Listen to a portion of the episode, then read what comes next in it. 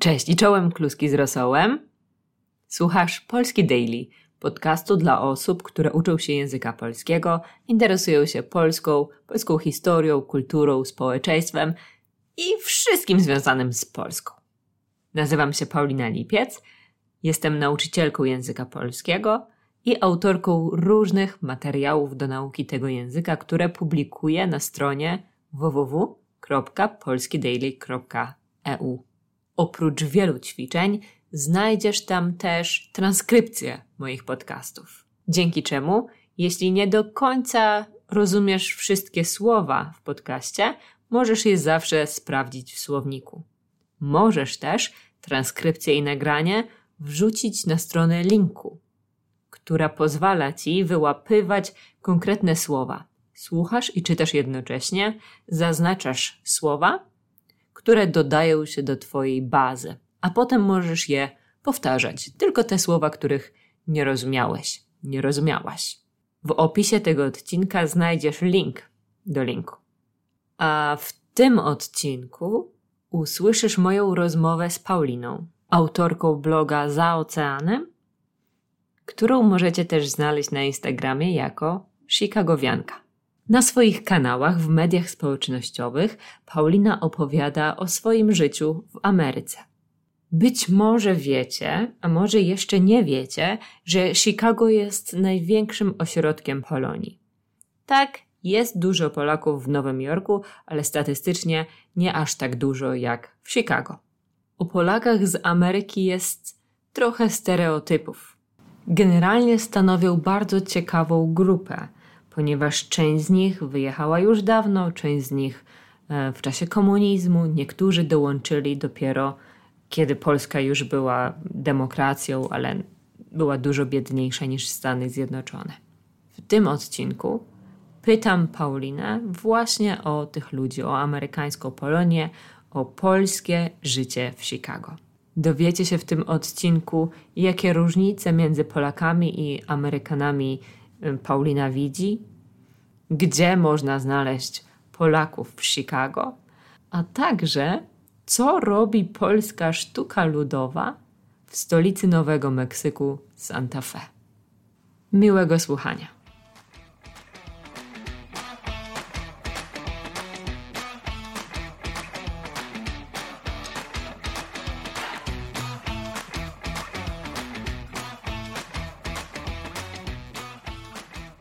Paulina, czy mogłabyś się przedstawić słuchaczom, powiedzieć skąd jesteś, co robisz w Ameryce? E, dzień dobry, witam wszystkich słuchaczy. Ja mam na imię Paulina. E, pochodzę ze Szczecina, to jest na północnym zachodzie Polski. Przeprowadziłam się do Chicago już prawie 12 lat temu e, i odkąd mieszkam w Stanach, to mieszkam właśnie tutaj, w okolicach Chicago. I bardzo sobie chwalę. Początki były trudne, ale teraz bardzo sobie chwalę. Mhm. A przeprowadziłaś się do Chicago właśnie dlatego, że tam było duże skupisko Polonii, było dużo Polaków? E, czy to nie, był taki nie. przypadkowy wybór? To był zupełny przypadek. Ja nawet szczerze mówiąc nie zdawałam sobie sprawy z tego, że, że ta Polonia w Chicago jest aż tak duża, aż tak liczna i tak obecna praktycznie na każdym kroku życia tutaj. E, żeby to mhm. może trochę zobrazować, bo, bo wiem, że, os że osobom, które tutaj nigdy nie były, może być trudno sobie to wyobrazić, ale Znam osoby tutaj w Chicago, Polaków, którzy mieszkają tutaj po 20-30 lat i do tej pory nie miały potrzeby nauczyć się języka angielskiego, bo dosłownie wszędzie, gdzie chce się coś załatwić, można to załatwić po polsku. Nawet jeśli, nie wiem, pani w banku nie mówi po polsku, to jej koleżanka już mówi. Więc można zawsze poprosić inną osobę z obsługi w banku, w urzędzie, nie wiem, stacji benzynowej, w sklepie i jest bardzo duża szansa, że znajdzie się kogoś, kto mówi po polsku co ma swoje mhm. plusy dla osób, które przyjeżdżają i nie znają angielskiego na początku, no ale ma mhm. też swoje minusy, bo jak ktoś chce się nauczyć angielskiego, a wszędzie spotyka osoby, które mówią po polsku, to po pierwsze motywacja jest trochę słabsza, a po drugie, jak ktoś um, słyszy, że my mówimy po polsku, a po angielsku nam słabo idzie, to oczywiście z automatu przechodzi na język polski, więc trudno może być czasami ćwiczyć ten język angielski w takich warunkach. Wow, wow, czyli to jest taka naprawdę duża skala, jeśli chodzi o, o Polaków w Chicago. I mówisz, że nie wiedziałaś o tym, jak przyjechałaś, prawda?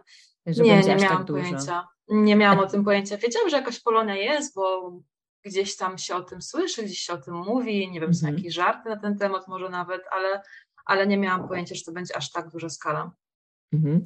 A co jeszcze Cię zaskoczyło, jak przyjechałaś do Ameryki?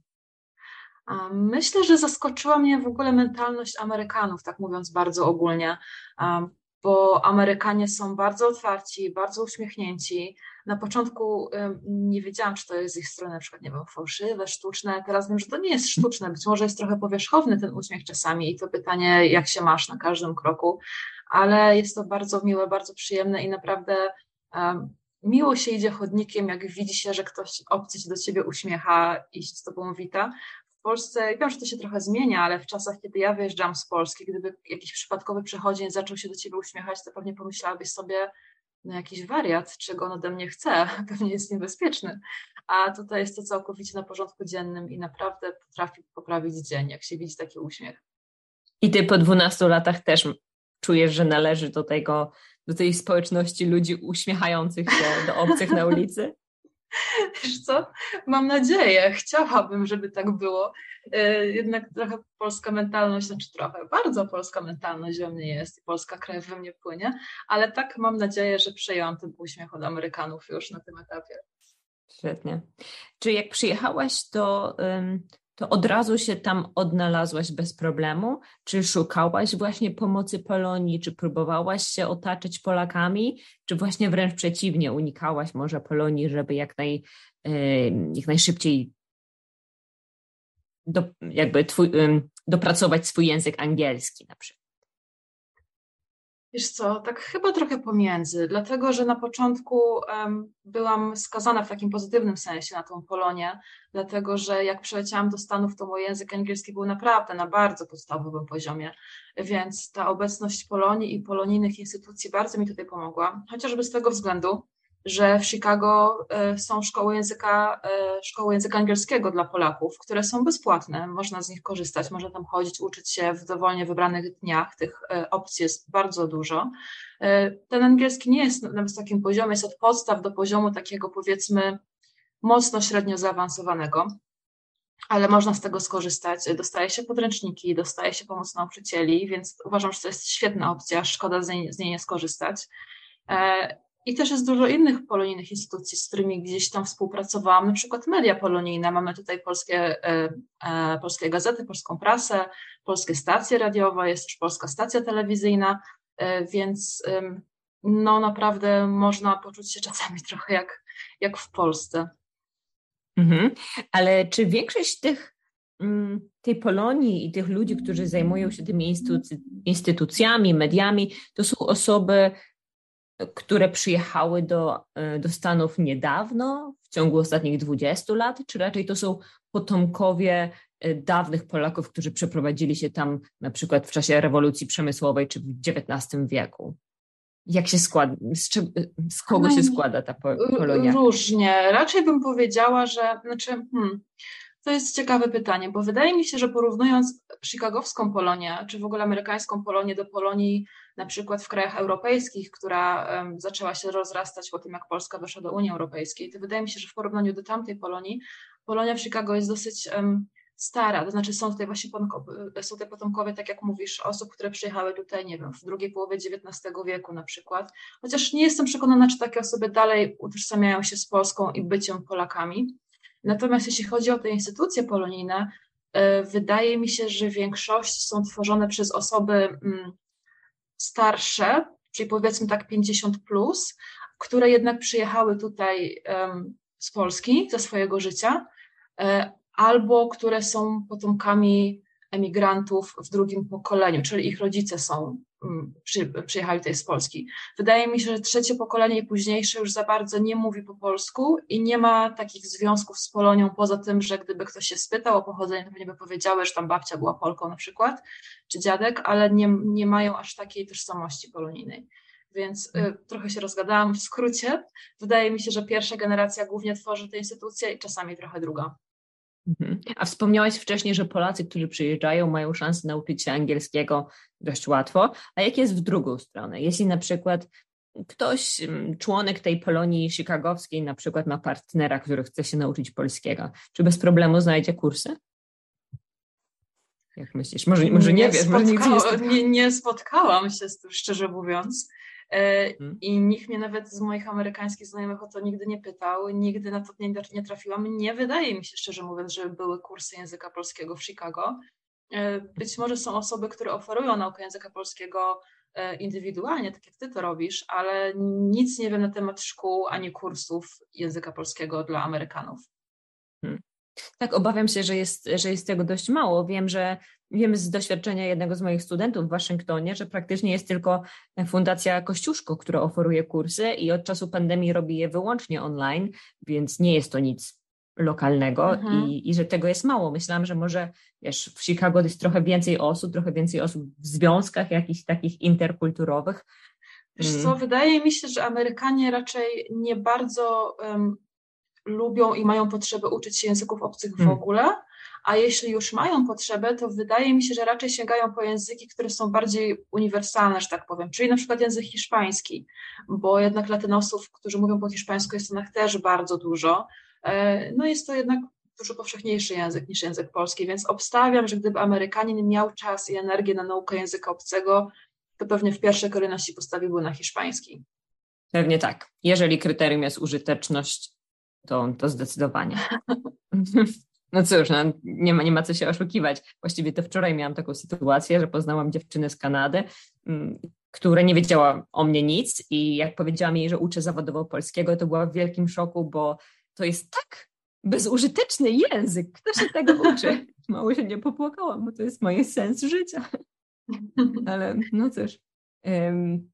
Wróćmy jeszcze do rozmowy o tej um, lokalnej Polonii i ich tożsamości. Mówiłaś, że drugie pokolenie jeszcze być może się angażuje, trzecie już, już dużo mniej, ale jeśli jest tak dużo Polaków, to czy nie jest to tak, że czasami um, osoby z pochodzenia polskiego wchodzą w związki z innymi osobami pochodzenia polskiego i przekazują sobie dalej tą polskość i ją utrzymują? Znasz takie rodziny, które mimo tego, mimo że są na emigracji od wielu lat, dalej na przykład są katolikami. No, Okej, okay, podałam pierwszy, pierwszą mhm. cechę Polaków, która tak nie do końca jest właściwą cechą Polaków, ale nie wiem, obchodzą polskie tradycje. Może nie mówią po polsku w domu, ale przynajmniej próbują y, zachować trochę tę kulturę. E, tak, takich ludzi jest bardzo dużo, chociaż mm, trzeba też zwrócić uwagę na to, że czasami te tradycje, które oni kultywują, e, które oni kultywują mówię o tym drugim, trzecim pokoleniu, osób, które być może nawet nigdy nie były w Polsce, tylko tą polską tradycję znają z przekazów i tradycji tutaj w Chicago. Czasami te tradycje są trochę przekręcone, czasami słowa są przekręcone. E, na przykład spotkałam się z tym, że na naszą narodową potrawę, czyli gołąbki, e, oni mówią, znaczy w zapisie e, piszą golumpki na przykład. Tak mhm. Tak samo z pierogami jest różnie. Zresztą wiem, że byłaś w Chicago, więc pewnie też się z tym spotkałaś. No dla nas pierogi to już jest liczba mnoga, prawda? A oni zrobią z tego pierogis, czyli dodają to S albo nawet ES na końcu, co no, dla nas brzmi komicznie, ale dla nich ma to całkowity sens. Tak samo zresztą z pączkami, pączkis, to jest dla nich liczba mnoga. Albo paczki. Albo paczki właściwie, tak, dokładnie. E, więc te tradycje są kultywowane, ale wydaje mi się, że mm, to jest często w takim zakresie, w jakim w Polsce już się tego nie robi. Czyli oni zostali na tym etapie tradycji powiedzmy naszych dziadków, bo to jest to, co oni znają, a nie widzą tego, jak to się zmienia w Polsce. E, więc taki troszkę skansen tutaj jest, jeśli chodzi o tradycję, co też ma swój urok, bo, bo ja czasami jestem zaskoczona, że, że takie rzeczy jeszcze ludzie znają na przykład. Tak, ja jestem zaskoczona, jak często sły- nie słyszę, ale czytam mm, w internecie, że Polonia amerykańska je czerninę. Próbowałaś kiedyś czerninę? Ja uwielbiam czerninę. Znaczy, ja mam czerninę jako dziecko u mojej babci, która tak, która, e, która mieszka na Mazowszu, na wsi pod Ciechanowem. I moja babcia robiła najpyszniejszą czerninę na świecie z domowym makaronem. E, I, ja bar- I właściwie to jest jedna z niewielu czerni, które jadłam w życiu, ale z kolei w Chicago nie spotkałam się z nigdy. Wiem, że gdzieś ponoć ludzie jedzą, ale nigdy nie znalazłam w Chicago czerniny podanej nigdzie. Nawet w polskich restauracjach, które mają bardzo bogate menu. Wiesz, można znaleźć samą wątróbkę, czy takie inne, bardziej tradycyjne polskie potrawy, których Amerykanie nie jedzą. E, ale czerniny, czerniny szczerze mówiąc nie spotkałam nigdy w Stanach. Mhm. może to jest tylko taki, taki mit, albo może ktoś próbował to gotować, bo, bo dziadkowie wspominali. E, może ona jest bardziej popularna w Twoim regionie, bo ja nigdy nie próbowałam czerniny, szczerze mówiąc, ale flaki mhm. oczywiście. O, flaki oczywiście, tak, tak. E, z flakami jest dużo łatwiej, bo mm, w Chicago też jest bardzo dużo polskich sklepów. E, to są duże sklepy, bardzo dobrze zaopatrzone w produkty z Polski, ale te sklepy też mają tak zwaną ciepłą ladę, gdzie można kupić domowy obiad robiony przez panie czy panów na kuchni. Zwykle to są bardzo, bardzo korzystne ceny, bo teraz to kosztuje chyba około 7 dolarów za e, zadanie składające się z mięsa, ziemniaków i dwóch dodatków, ale też te ciepłe lady oferują właśnie zupy takie domowe, robione, wiesz, jakiś rosół, ogórkową, mhm. no nie wiem, cokolwiek co ktoś by chciał i flaki też są często na ladzie, więc e, flaki tak, flaki mamy. Czy to znaczy, że ty nie gotujesz w domu polskiego jedzenia, tylko idziesz do polskiej restauracji na ciepłą ladę? Jak mam ochotę na polskie jedzenie, to tak, jadę do polskiego sklepu albo idę do polskiej restauracji. Oni zrobią to lepiej, więc, więc ufam paniom kucharkom tam. Jasne, rozumiem. A wracając jeszcze do, pewnie ciągle będę do tego wracać, bo to jest temat, mhm. który jakoś tam miesza mi się w głowie, na temat tożsamości Polonii. Mm, jak wspomniałaś, że oni mm, no, właśnie jedzą polskie pierogi, czy, czy zachowują tradycje, które no, nie są związa związane z tym, co się dzieje obecnie. Jak myślisz, z czego to wynika, że właśnie osoby, które w jakiś tam sposób trochę się utożsamiają z Polakami, nawet z Polakami, są, mówią, że są Polakami w czwartym, piątym, szóstym pokoleniu, e, nie za bardzo są zainteresowane mm, współczesną Polską i sprowadzają Polskę tylko właśnie do jedzenia, do ceramiki z Bolesławca, do czego jeszcze? Wydaje mi się, że to jest takie trochę romantyzowanie Polski, wiesz. Łatwiej jest skupić się na tych rzeczach, które są przyjemne, charakterystyczne, którymi można gdzieś tam się pochwalić y, y, nie wiem, kolegom Amerykanom i które powiedzmy, że mm, na, których, na które dalej nie musisz zdobywać świeżej wiedzy, prawda? No bo ceramiką z Bolesławca jest ceramiką z Bolesławca, nic się tutaj nie zmienia. A e, trudniej jest moim zdaniem, żeby te osoby interesowały się na przykład polityką, która, która się odbywa w Polsce, e, mhm. zmianami, które zachodzą, zmianami społecznymi, które zachodzą w Polsce. Tym bardziej, że często są to zmiany trudne i niewygodne, bez względu na to, po której stronie się stoi politycznie, no to te zmiany są duże i nadążenie za tym czasami, jak się mieszka za granicą, nie jest wbrew pozorom takie łatwe, bo oczywiście mamy dostęp do internetu, możemy korzystać z, e, e, z przekazów, ze źródeł internetowych, z prasy, radia i tak dalej, ale jednak wydaje mi się, że jak się w Polsce nie mieszka, to trudno jest złapać ten taki właściwy kontekst i potrafić rozgraniczyć, e, co jest, mm, wiesz, co jest prawdą, a co nam się tylko wydaje, co jest naszą iluzją. Więc wydaje mi się, że osoby, które tutaj mieszkają od które są kolejnym pokoleniem emigrantów, wolą się skupić na tych właśnie przyjemnych rzeczach, którymi można się pochwalić w Ameryce, właśnie przykład kuchnią, czy, czy sztuką, czy kulturą e, i trochę romantyzować tą Polskę jako taki właśnie kraj przodków, wspaniały, z dobrym jedzeniem. Mhm, tak. Może, może faktycznie, bo to zawsze są jakiś też sentyment rodzinny, prawda? Mhm. Mówią, że babcia była Polką i zawsze dzieci mają dobrą, no nie zawsze, ale często mają ciepłą, bliską relację z babciami. Babcia tak. opowiadała historię sprzed wojny, jaki to był piękny kraj, jak biegała boso po łące. Mhm. E, w ale może dzięki... jakieś tam... Mhm. A w domu wisi jakieś tam stare zdjęcie jeszcze z chatki w górach rodzinnej, prawda? I gdzieś tam do tego się wraca sentymentalnie, co też jest piękne. Tak, tak.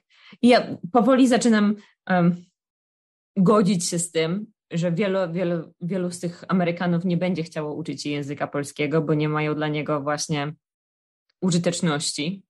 Mhm. Ale z drugiej strony chciałabym, żeby też popatrzyli trochę na Polskę um, przez pryzmat współczesności i może um, szerszej kultury, choćby filmów, czy książek, czy muzyki, czy czegoś więcej niż tylko pierogis. A swoją drogą, a propos pierogis, wiem, że Polacy się tutaj denerwują na to pierogis i pączkis, ale my mówimy um, chipsy.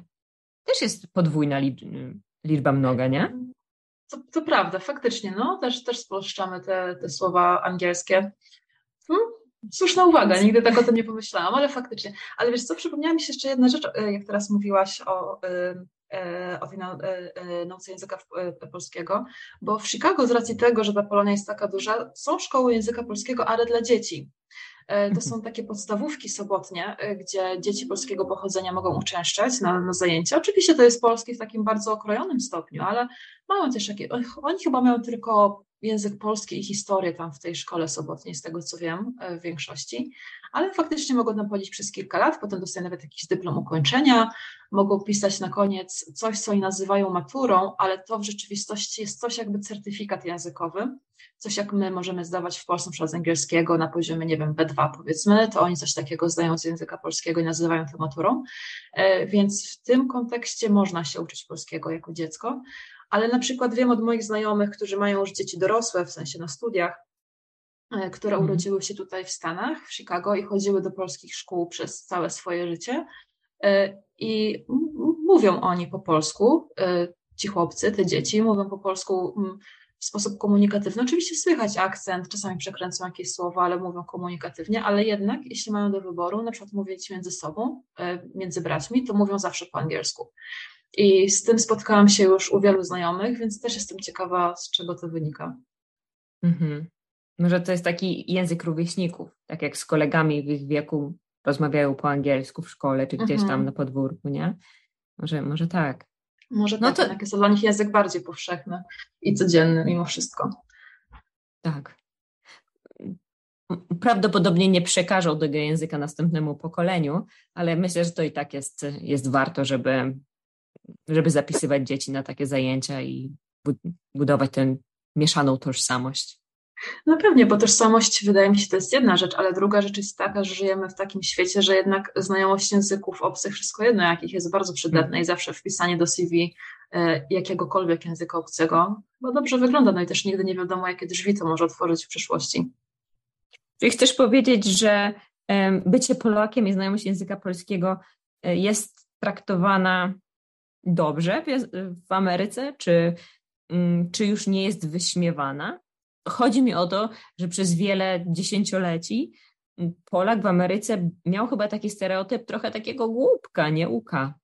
Nie? Co, wydaje mi się, że nie tylko Polak. Wydaje mi się, że to była kwestia wszystkich imigrantów, którzy przybywali i nie znali języka. No bo jak ktoś nie mówi swoim języku, to masz wrażenie, że. Znaczy, teraz to się zmienia oczywiście, ale w tamtych czasach pewnie mm, miało się wrażenie, że ta osoba, skoro nie mówi w Twoim języku, to jest może jakaś ograniczona umysłowo. E, wiemy, że to nie ma żadnego związku z rzeczywistością, ale być może takie, takie panowały przekonania. Więc nie, nie, znaczy uważam, że Ameryka jest w ogóle takim krajem, który jest zbudowany z mniejszości, który jest zbudowany z imigrantów skądś, zewsząd właściwie, z całego świata. I tutaj e, mam takie poczucie, że bardzo bardzo przyjaźnie patrzy się na to, że ktoś utożsamia się też z inną kulturą, z innym krajem, z innym językiem. Wręcz jak poznajesz jakichś Amerykanów, to nagle okazuje się, że każdy jest skądś i każdy chętnie opowiada o tym, że babcia była Niemką, dziadek Szwedem, ktoś tam, nie wiem, z Afryki, jak ktoś z Ameryki Południowej przy, przypłynął czy przyleciał. Więc mhm. Wydaje mi się, że ta mniejszość, znaczy ta tożsamość polonijna jest traktowana na tym etapie tak jak każda inna, w sensie, że każdy jest skądś, każdy ma jakąś swoją historię, e, jakąś rodzinę, jakąś tradycję i patrzy się na to z dużym zainteresowaniem. Mhm. No może to jest taka potrzeba unikalności. Każdy chce być troszkę wyjątkowy i te, to pochodzenie, ten miks pochodzenia trochę to mm. umożliwia, nie? I ty nie miałaś, e, nie miałaś żadnych negatywnych sytuacji w związku z tym, że byłaś, że jesteś Polką. Nie spotkałaś się z dyskryminacją. Nigdy. Na pewno nie otwarcie, nigdy nie odczułam absolutnie, żebym, e, żebym, była, żebym była traktowana gorzej. Wręcz powiedziałabym, że spotkałam się raczej z przyjemnymi sytuacjami, bo tak jak mówiłam na początku, bardzo słabo mówiłam po angielsku i jak gdzieś tam czasami się na przykład wstydziłam mówić po angielsku przy Amerykanach, bo wydawało mi się, że ten angielski jest taki niewystarczający, to oni wręcz zachęcali mnie i mówili, że wow, że przecież ty znasz jeszcze inny język, bo to jest twój drugi język angielski, to mówisz jeszcze po polsku. Ja na przykład mówię tylko po angielsku, więc w ogóle się nie krępuj, twój angielski jest super. E, więc wydaje mi się, że jest duże wsparcie dla imigrantów wśród Amerykanów e, i wśród innych imigrantów też raczej. Super, to brzmi naprawdę bardzo fajnie. E, mhm. Kilka tygodni, no chyba tygodni temu widziałam na twoim profilu na Instagramie Chicagowianka, tak? Mhm że odbyłaś bardzo fajną podróż przez Amerykę vanem, tak? Vanem? tak, kamperem, kamperem 10-metrowym. Ruszyliśmy w podróż po Stanach z Chicago przez całą legendarną a drogę 66 do Kalifornii, przy czym odbiliśmy jeszcze trochę na północ, odwiedziliśmy Wielki Kanion, odwiedziliśmy Las Vegas i Dolinę Śmierci. No i potem z Santa Monica w Kalifornii ruszyliśmy samym południem Stanów Zjednoczonych z powrotem na, na wschód, w stronę Chicago. Brzmi fenomenalnie. Na pewno jest to marzenie wielu osób, nie tylko z Polski, myślę też, że Amerykanów. A czy po drodze spotkałaś się może z jakimiś śladami polskości? Na wielu etapach. Ja naprawdę byłam zaskoczona, bo wiesz, jak się mieszka w Chicago, tutaj jest taki miks kulturowy, że nikt nie jest zainteresowany Twoim akcentem ani Twoim pochodzeniem, y, bo każdy jest skądś, prawda? Więc to w ogóle nikogo nie dziwi. Ale jak tylko wyjedzie się z Chicago i zacznie się przejeżdżać przez te mniejsze miasteczka, to no, na każdym etapie, jak ktoś słyszał nasz akcent, to pytał, skąd jesteśmy.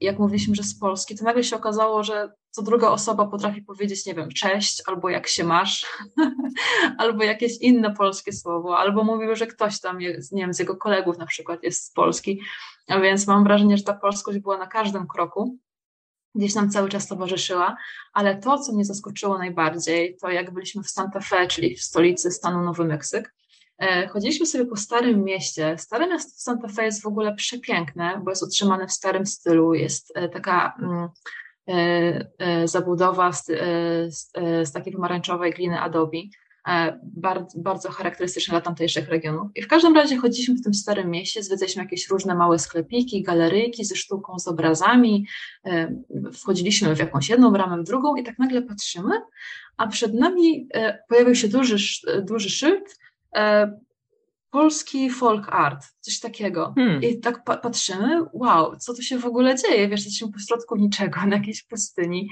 w mieście, gdzie, gdzie jest nagle polska sztuka. No i weszliśmy do środka do tego, e, do środka do tego sklepiku. I faktycznie był to sklep, który funkcjonuje bodajże do 20 lat, jeśli dobrze pamiętam, czy od 25, który handluje właśnie polską sztuką folkową, więc było tam wszystko to, co my kojarzymy właśnie ze starą Polską, czyli ta ceramika z Bolesławca, e, jakieś ręcznie robione serwety szydełkowe, jakieś takie rzeźby, mm, e, rzeźby, ale takie, wiesz, takie właśnie proste, jak można kupić na przykład w górach na jakimś straganie, widokówki z polskimi napisami, no bursztyny, wszystko, co było po polsku i co z, z Polską się kojarzy. I zapytaliśmy o historię tego miejsca i okazało się, że właściciel tej galerii te 20 czy 30 lat temu mm, był w Polsce i tak mu się bardzo spodobało, że postanowił tą polską kulturę przenieść do Santa Fe właśnie. I tak, tak powstał ten sklep, który do tej pory funkcjonuje i ma się dobrze, więc ja byłam w dużym szoku. Wow, zastanawiam się, kto jest klientelą. Nie słyszałam, żeby była duża Polonia e, w Nowym Meksyku, ale może e, nie, nie, nie muszą nie być ma, Polakami. Nie, nie, nie. E, w Nowym Meksyku nie wiem, czy w ogóle jest jakaś, znaczy tam w ogóle mieszka bardzo mało ludzi, więc nawet jeśli jest jakaś Polonia, to pewnie są to pojedyncze osoby, tak bym obstawiała. Więc hmm. wydaje mi się, że to raczej Amerykanie są klientelą. Ale Santa Fe jest w ogóle miejscem, które bardzo jest związane ze sztuką folkową jako taką, więc także, e, także tą amerykańską, indiańską. E, I wydaje, znaczy jestem, jestem naprawdę zaskoczona, że akurat polska sztuka folkowa tak dobrze tam się wpisała, bo bo jest jednak inna, ale może to, że jest inna, takie pomogło tam przetrwać, nie wiem. Pewnie, może coś, co nam się wydaje być takie przaśne, ludowe, mhm. wiejskie, mhm. dla nich jest egzotyczne, ciekawe. I, no. Mam nadzieję, że, że ten sklepik dalej będzie funkcjonować, będzie promować całą polską sztukę folkową, ludową. Myślę, że jest na to duża szansa. Skoro już jest 20 lat tam i to dosłownie w samym centrum Starego Miasta, to myślę, że da jeszcze radę. Pewnie, pewnie. Wracasz do Polski dość regularnie, prawda? Mhm, tak. Mhm. E, czy jak wracasz do Polski, to po, po, po, tylu latach mieszkania za granicą, czy coś Cię dziwi w Polsce? Czy z perspektywy Polki mieszkającej w Ameryce Polska zaskakuje? E, wiesz co, ja staram się być w Polsce co roku i co roku w pozytywny sposób zaskakuję się tym, jak Polska się rozwija. E, jak mi, miasta się rozwijają, jak się bardzo rozbudowują, jak wszystko staje się coraz bardziej nowoczesne. to jest naprawdę coś, za czym aż jest mi trudno nadążyć każdego roku. Widzę też, że zmienia się mentalność Polaków na taką właśnie bardziej otwartą, uśmiechniętą, ale ale mimo wszystko to jest trochę smutne, ale jak jestem w Polsce każdego roku, to jeszcze czuję, że ta mentalność jest jeszcze taka troszkę szara i smutna. Wiesz, jak się jedzie autobusem czy tramwajem, to ludzie są raczej tacy właśnie, e, wydają się być tacy niezadowoleni, mało się uśmiechają, raczej są zamknięci w sobie, nie szukają kontaktu. E, zmienia się to, zmienia się to na lepsze, ale jednak jeszcze przeżywam ten szok zawsze, za każdym razem, jak, jak przylatuję do Polski. Nikt cię nie pyta, jak się masz w windzie? Nikt nie pyta, jak się mam, to prawda. No tak. E, faktycznie jest, y, jest. Może to jest kwestia dalej jakiegoś takiego pokutowania po postsowieckich czasach, szczególnie w starszych generacjach, kiedy każdy się tylko interesuje sobą i, i nie rozgląda dookoła, nie uśmiecha do obcych, bo to jest wszystko, jak mówiłaś, podejrzane. Mm. Gdzie chciałabyś zostać na stałe? Czy chciałabyś zostać na stałe w Stanach, tak jak już teraz mieszkasz te 12 lat, czy jednak planujesz wrócić i ciągnie cię do Polski i czujesz, że Polska jest twoim miejscem na ziemi? Wiesz, to jest dobre pytanie, bo ja nawet się nad tym ostatnio zastanawiałam w ostatnich kilku miesiącach i zdałam sobie sprawę, e, poczułam, że ja jeszcze nie mam pojęcia, gdzie bym chciała zamieszkać na stałe. E, nie mam takiego poczucia, jak czasami ludzie mają, że tu jest moje miejsce na ziemi, czymkolwiek to miejsce miałoby być. Nie mam poczucia, że tu jest mój dom albo tam jest mój dom. Mam poczucie, że na razie jeszcze nie mam takiego stałego, stałego domu i jeszcze go może znajdę. Na razie jestem szczęśliwa tu, gdzie jestem, chociaż no, rzuca mnie trochę po świecie i ciągnie mnie w inne miejsca, więc, e, więc zobaczymy, jak to się potoczy. Hmm. Czyli niekoniecznie Polska i niekoniecznie Ameryka czy Chicago. Dokładnie tak. Nie mam pojęcia. Tak. Z tego co pamiętam, to mieszkasz cały czas w, na przedmieściach Chicago, w bardzo uroczym miejscu, więc mhm. ja też tam mieszkałam przez kilka miesięcy i powiem szczerze, że, że czasem za, tęsknię za widokiem jeziora, czy za tymi uroczymi budynkami, architekturą i zielenią i trochę mi tego brakuje. To jest naprawdę bardzo, bardzo piękne miejsce. Więc nie zdziwiłabym się, gdybyś jednak zdecydowała się tam zostać. Tak, no powiem Ci, że jeśli chodzi o stan Illinois, to wydaje mi się, że mieszkam w najlepszym miejscu, w jakim mogłabym aktualnie teraz. Ale tak jak mówię, ja jestem otwarta na zmiany i lubię poznawać nowe miejsca i lubię mieć ten, mm, tą taką adrenalinę, że muszę się przystosować do życia w nowym miejscu na przykład, chociaż już dawno tego nie musiałam robić. Ale, e, ale raczej jestem otwarta i bardzo bardzo korzystam i cenię to, że mieszkam tu, gdzie mieszkam, ale zobaczymy, gdzie będę mieszkała za kolejnych parę lat. To jeszcze na koniec, um, jeśli ktoś z moich słuchaczy jest Polakiem, który planuje przeprowadzić się do Ameryki, bo możecie to zaskoczy, ale wśród moich słuchaczy jest dość dużo Polaków, mhm. to co mogłabyś im doradzić? Jak się odnaleźć w Ameryce jak najszybciej? Przede wszystkim nie bagatelizowałabym kwestii wizowej, mm, bo ja wiem, że pokutuje takie przekonanie, że w Stanach, szczególnie w Chicago, można funkcjonować nawet jak się jest nielegalnie, ale uważam, że te czasy już się skończyły i tak jak pokolenie naszych rodziców na przykład, czy nawet pokolenie między naszymi rodzicami a nami mogło przyjechać ze Stanów i faktycznie mieszkać tutaj nielegalnie i funkcjonować, wiesz, nie wiem, pracować, y, y, zakładać firmy, kupować domy, Wydaje mi się, że te czasy już się skończyły, więc y, jeśli ktoś myśli o tym, żeby być tutaj nielegalnie, to odradzam. Mm-hmm. to już nie są te czasy. Znaczy, dalej znam dużo Polaków, którzy są tutaj nielegalnie i pracują, ale są to prace bardzo w bardzo takim wąskim zakresie, czyli na przykład na sprzątaniu, na budowie, czy ewentualnie może w jakimś polskim sklepie, czy opieka nad dziećmi, więc mm-hmm. wiem, mhm. że dla wielu osób to nie jest wystarczające. Więc uważam, że to warto jest rozważyć. E, druga kwestia jest taka, że naprawdę warto znać, znać język angielski na, takim poziomie komunikatywnym co najmniej. Oczywiście, że tutaj można się douczyć, nauczyć, e, sprawić, nabrać odwagi do mówienia po angielsku jak najbardziej, ale wydaje mi się, że te podstawy są, e, są, są jednak potrzebne. A trzecia taka rada, którą bym dała, to chyba być otwartym E, być otwartym w takim sensie, żeby nie próbować porównywać do Polski za bardzo, nie oceniać ani dobrze, ani źle, tylko tak się otworzyć, e, e, tylko tak się otworzyć, zobaczyć, jak to wszystko będzie wyglądało i po prostu dać, dać wszystkiemu płynąć, bo wydaje mi się, że jest to bardzo przyjazny kraj. Mm. Mhm. Tylko właśnie też trzeba się troszkę na niego, na niego otworzyć. E, mhm. I nie bać się, nie bać się. Amerykanie są naprawdę bardzo, bardzo życzliwi, pomocni i potrafią docenić e, ciężką pracę. Więc tak, to I, chyba są takie rady. I jak mówiłeś, że w Chicago jest sporo Polaków, więc pewnie ta hmm. społeczność też jest dosyć pomocna, tak sobie wyobrażam. Tak, jest bardzo pomocna, jest bardzo dużo fundacji, stowarzyszeń. Jest też fundacja prawna, która pomaga z darmo osobom, które mają niskie dochody, a potrzebują pomocy prawnej, w której zresztą też byłam e, wolontariuszką przez kilka lat. Są stowarzyszenia pomagające, nie wiem, szukać pracy, czy oferujące pomoc psychologiczną, no właśnie są te polskie szkoły, są polskie imprezy, polskie festiwale, polskie sklepy, co uważam, że jest bardzo istotne, bo jednak jak można zjeść polskiego schabowego, to tak jakoś cieplej się robi na serduszku czasami. E, schabowy rozgrzewa. Schabowy rozgrzewa. Albo dobry rosołek czy klaczki. E, więc wydaje mi się, że też jest istotne, ale też nie zamykałabym się jednak na tą Polonię, bo czasami później trudniej jest wyjść do Amerykanów, jak już tak się dobrze zagnieździmy wśród Polonii. Zresztą to jest to, co mówiłam wcześniej na początku, że znam osoby, które żyją tutaj po 30 lat i nigdy nie miały potrzeby nauczyć się angielskiego, więc tak trochę szkoda, bo, bo jest, jest ta szansa przecież, jak się już tutaj mieszka, a, a nie każdy z niej korzysta. Właśnie, właśnie. To jeszcze mi jedna rzecz przyszła do głowy. Mhm. Dobra? Je, jeśli ktoś z moich słuchaczy jest studentem, uczy się języka polskiego, e, ale nie ma kontaktów z Polonią, a mieszka w Chicago, to mhm. gdzie mógłby znaleźć Polaków? Mm, kto organizuje jakieś festiwale albo może jakieś Co wszędzie. wszędzie. Wszędzie. Naprawdę wszędzie. Polskich barów jest mnóstwo, polskich sklepów jest mnóstwo. Teraz zimą trochę mniej się dzieje, ale jest bardzo dużo im, um, wszelkich imprez polonijnych latem. Jest taki jeden z największych festiwali e, w ten weekend wrześniowy na Święto Pracy, nazywa się, nazywa się Taste of Polonia.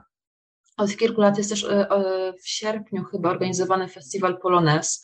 To są takie festiwale, gdzie przyjeżdżają jakieś gwiazdy z Polski, dają koncerty, jest polskie jedzenie, wiesz, jakaś karkówka, tego typu rzeczy ale też można na przykład szukać w mniejszych miejscach. Są na przykład polskie kawiarnie, które, które, które organizują takie bardziej kameralne imprezy. Na przykład na południu Chicago jest Art Gallery Cafe, gdzie praktycznie każdego dnia coś się odbywa.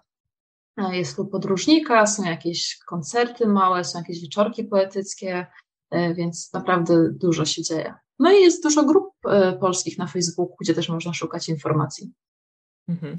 A jak mieszkacie w Waszyngtonie i nie możecie nic znaleźć, to musicie się spakować i przeprowadzić do Chicago, bo nie ma innej możliwości. Albo chociaż przyjechać na weekend. No I właśnie. myślę, że zawsze coś się znajdzie. Tak, tak. Dob dobra, dobra rada.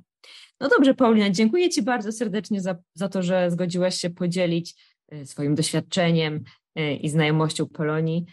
I mam nadzieję, że, e, że będziesz miała jeszcze więcej szans na zwiedzanie Ameryki swoim kamperem w przyszłości. A, Dziękuję bardzo.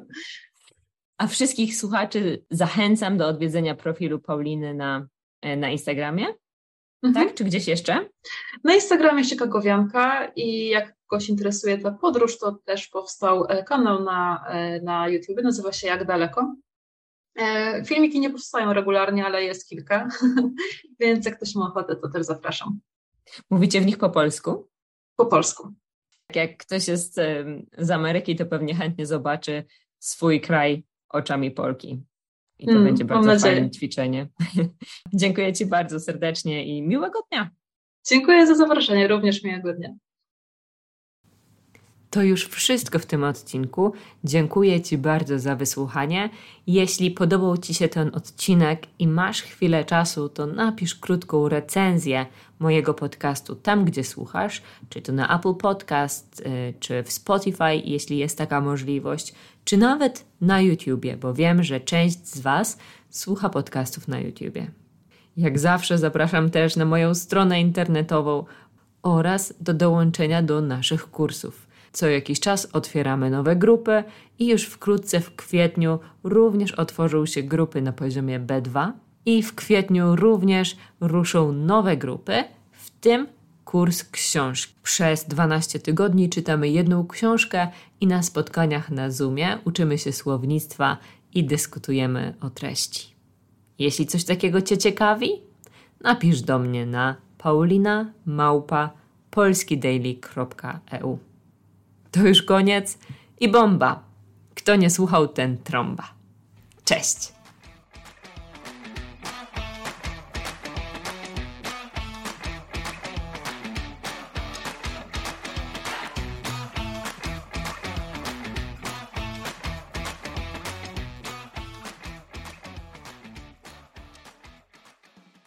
Hello, it is Ryan, and I was on a flight the other day playing one of my favorite social spin slot games on chumbacasino.com. I looked over the person sitting next to me, and you know what they were doing? They were also playing Chumba Casino. Coincidence? I think not. Everybody's loving having fun with it. Chumba Casino is home to hundreds of casino style games that you can play for free anytime, anywhere, even at 30,000 feet. So sign up now at chumbacasino.com to claim your free welcome bonus. That's chumbacasino.com and live the Chumba life. No purchase necessary. Group. Void prohibited by law. See terms and conditions. 18 plus.